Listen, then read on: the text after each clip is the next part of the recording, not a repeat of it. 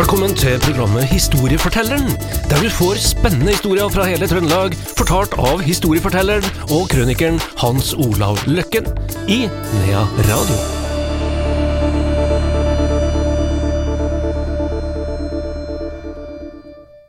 Historiefortelleren her i Nea Radio, hjertelig velkommen Hans Olav Løkken, vår eh, historieforteller. Jo, takk. Jeg vet ikke hvor mange historier du kan, men eh, det er utrolig mange. Ja, det, jeg gikk gjennom det her om dagen, Gjorde du? ja, i forbindelse med tegneren min. Ja. Han har tegna var det 546 tegninger til meg. Det er de her eh, simple bøkene jeg driver og skriver, da. Men Det var dine ord. Ja, men det er jo, de er jo litt simple og sånn, da, men, men tegningene er bra. Og, og tegningene er bra, og eh, forteller ganske mye. Og da gikk jeg gjennom eh, de historiene som jeg har lagt ut og litt sånn, og da. så nå er jeg vel passert den 600 og sånn. da. Og eh, mange som er altså, Noen kan jo fortelle, og noen kan vi ikke fortelle. Mm. Vi skal til, um, vi skal til Leksvika i dag. Ja, på Og- andre sida av fjorden. Litt tragisk. Ja, litt sånn uh, tragisk, og kanskje ikke eh, eh, en ukjent ting, det er jo noe som skjer av og til, dessverre. Vi skal uh, vi skal til en, eh, en plass der ute, eh, og vi må tilbake helt til 1897. Da er det tre unger som er alene hjemme, da, på eh, en liten plass som heter Krugen, som da, eller plassen heter vel Svebakken, da, men eh, det betyr ikke så veldig mye. Men mora hun hadde da dratt på flatbrødbaking på nabogården, og utpå dagen så kom hun hjem for å gi ungene mat. Og eh, da hun forlot heimen, så hadde femåringen, da, som het Severin, Jonassen Tetliaune, han hadde fått tak i noen fyrstikker, og da skjønner han selvfølgelig hva som ville komme til å skje, så han tente jo på en flishaug da, under inngangstrappa. Og eh, jeg har vært borti flere sånne sånne historier faktisk da, fra flere kommuner, og mange av dem har jo gått veldig ille med, hvor ungene brant inn og sånn. Men her så brant jo huset ned, men ungene kom seg ut. Men det, vart, eh, det gikk verre med kua, som var inne i huset på grunn til åte.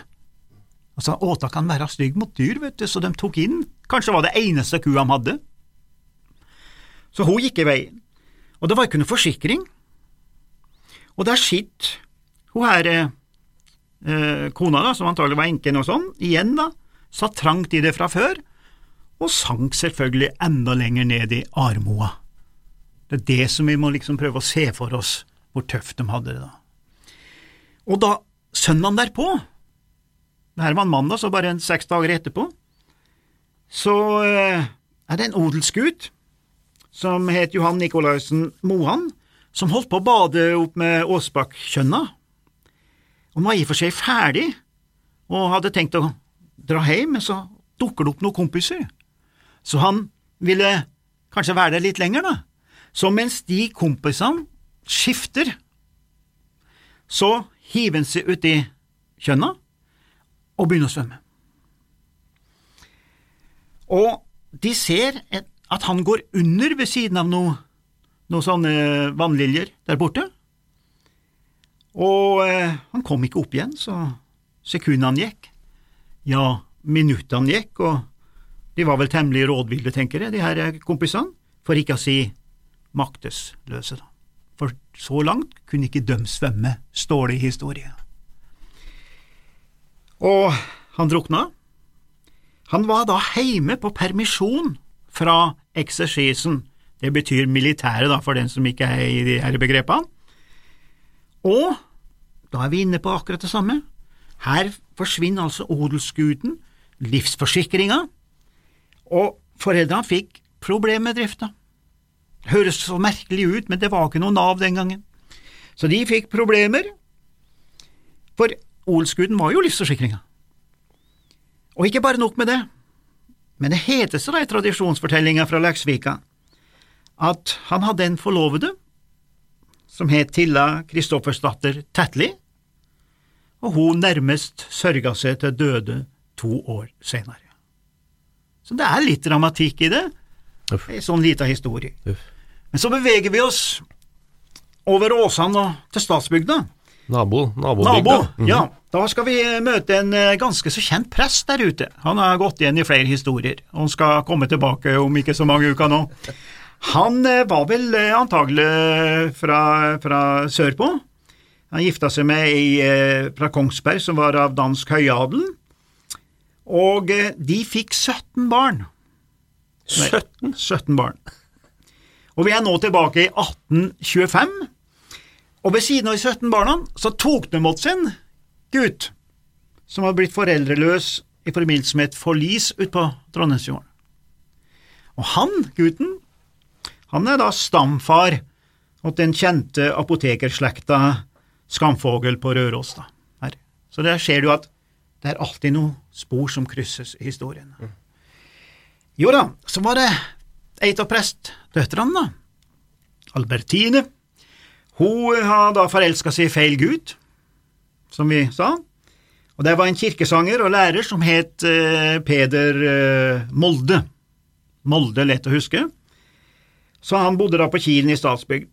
Så faren, presten, nekta jo da å vie dem, for han godkjente jo ikke svigersønnen.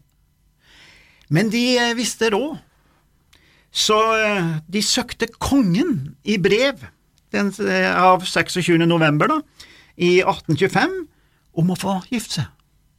Og kongen på den tida var Norges konge nummer to i nyere tid, etter at vi ble selvstendige.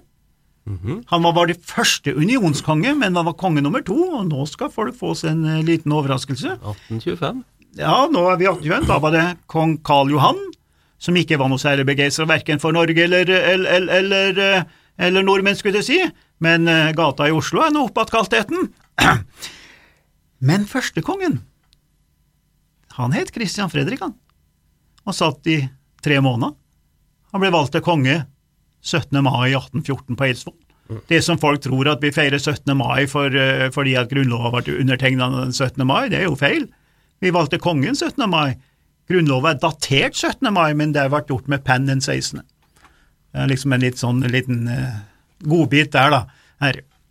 Men uh, han uh, Hva svarte kongen? svarte ja. Og de henta da pressen på Bynes. Nå rodde han over, da, vet du. Der. Men han Rønne, presten, han ble sint, skjønner du. Sånn gjør man ikke, vet du, ustraffa. Så han var også ute med en rotur, og hadde med seg sin lille sønn. Da, og sønnen han ble dårlig, og døde faktisk da. Så han Rønne mente at i ettertid at eh, han skulle ikke vært på den han, han tok liksom litt ansvar der, og, og det gikk veldig innpå han presten da, at hans sønn døde. Men han, han, han rodde jo over, da. Og da stakk svigersønnen av i bryllupet, da, for han var jo redd for eh, presten kom. Men det heter seg da i tradisjonsfortellinga at det ble venner eh, før eller senere, da. Der, han aksepterte den da vel til slutt, da. Jo da, så han Og det her er brevet som, en, eh, som var innom Karl, eh, Karl Johan, da, det finnes faktisk talt i Molde-familien. Og den er ikke her i Molde eller i Norge. Nei, det er eh, som het Petra Molde, som hadde ei moteforretning i New York. Også en litt sånn artig sak at et brev havner der borte i New York. da. Jo da, men så var det plutselig en, eh, en eh, var fire som skulle gifte seg en dag. Fordi at uh, ute på Rødberget i Stadsbygda, der er det en annen eksersersplass. Kall det da en militærleir. Og der det er militærleirer, der blir det ektepar. Bare se på Værnes. Halve Stjørdalsjentene er jo gift med folk fra flyskolen. sånn. Og så skulle det da være fire par. Det var da tre militære, og så var det ett sivil, og den sivile var da en ny datter av presten. Så presten bestemte da at dattera og den sivile skulle gå foran militæret. Men det likte ikke han sjefen der, som het kaptein eh, Tischendorf. Han var antagelig en tysker, går ut ifra da. Han fant seg ikke der, så han forlangte at først militæret, og så kom sivile. Men du vet, presten hadde makta, han, vet du, for det var han som skulle vie, så han sa som så, enten så vier vi dattera mi først, eller så blir det ingen via. Og i kirkeboka ute i, ute i Statsbygd så står det, som presten har skrevet da, helt til slutt, så står det, sådan går det når man skal følge et fe, står det. Og det var kapteinen, altså sikkert det er feet. Ja. Og i ettertid så har noen da sånn høflighetssystem prøvd å streke det ut, men du kan da lese på baksida i arket da om han her eh, berømte presten som het Rønne. Men det ble fire vielser Fire vielser ble det. i presten Rønnes uh, rekkefølge. Ja. Han fikk det som en ville der òg. Flere vielser, kanskje også begravelser etter hvert her i Historiefortelleren. Takk for i dag. Ny historie neste uke til samme tid.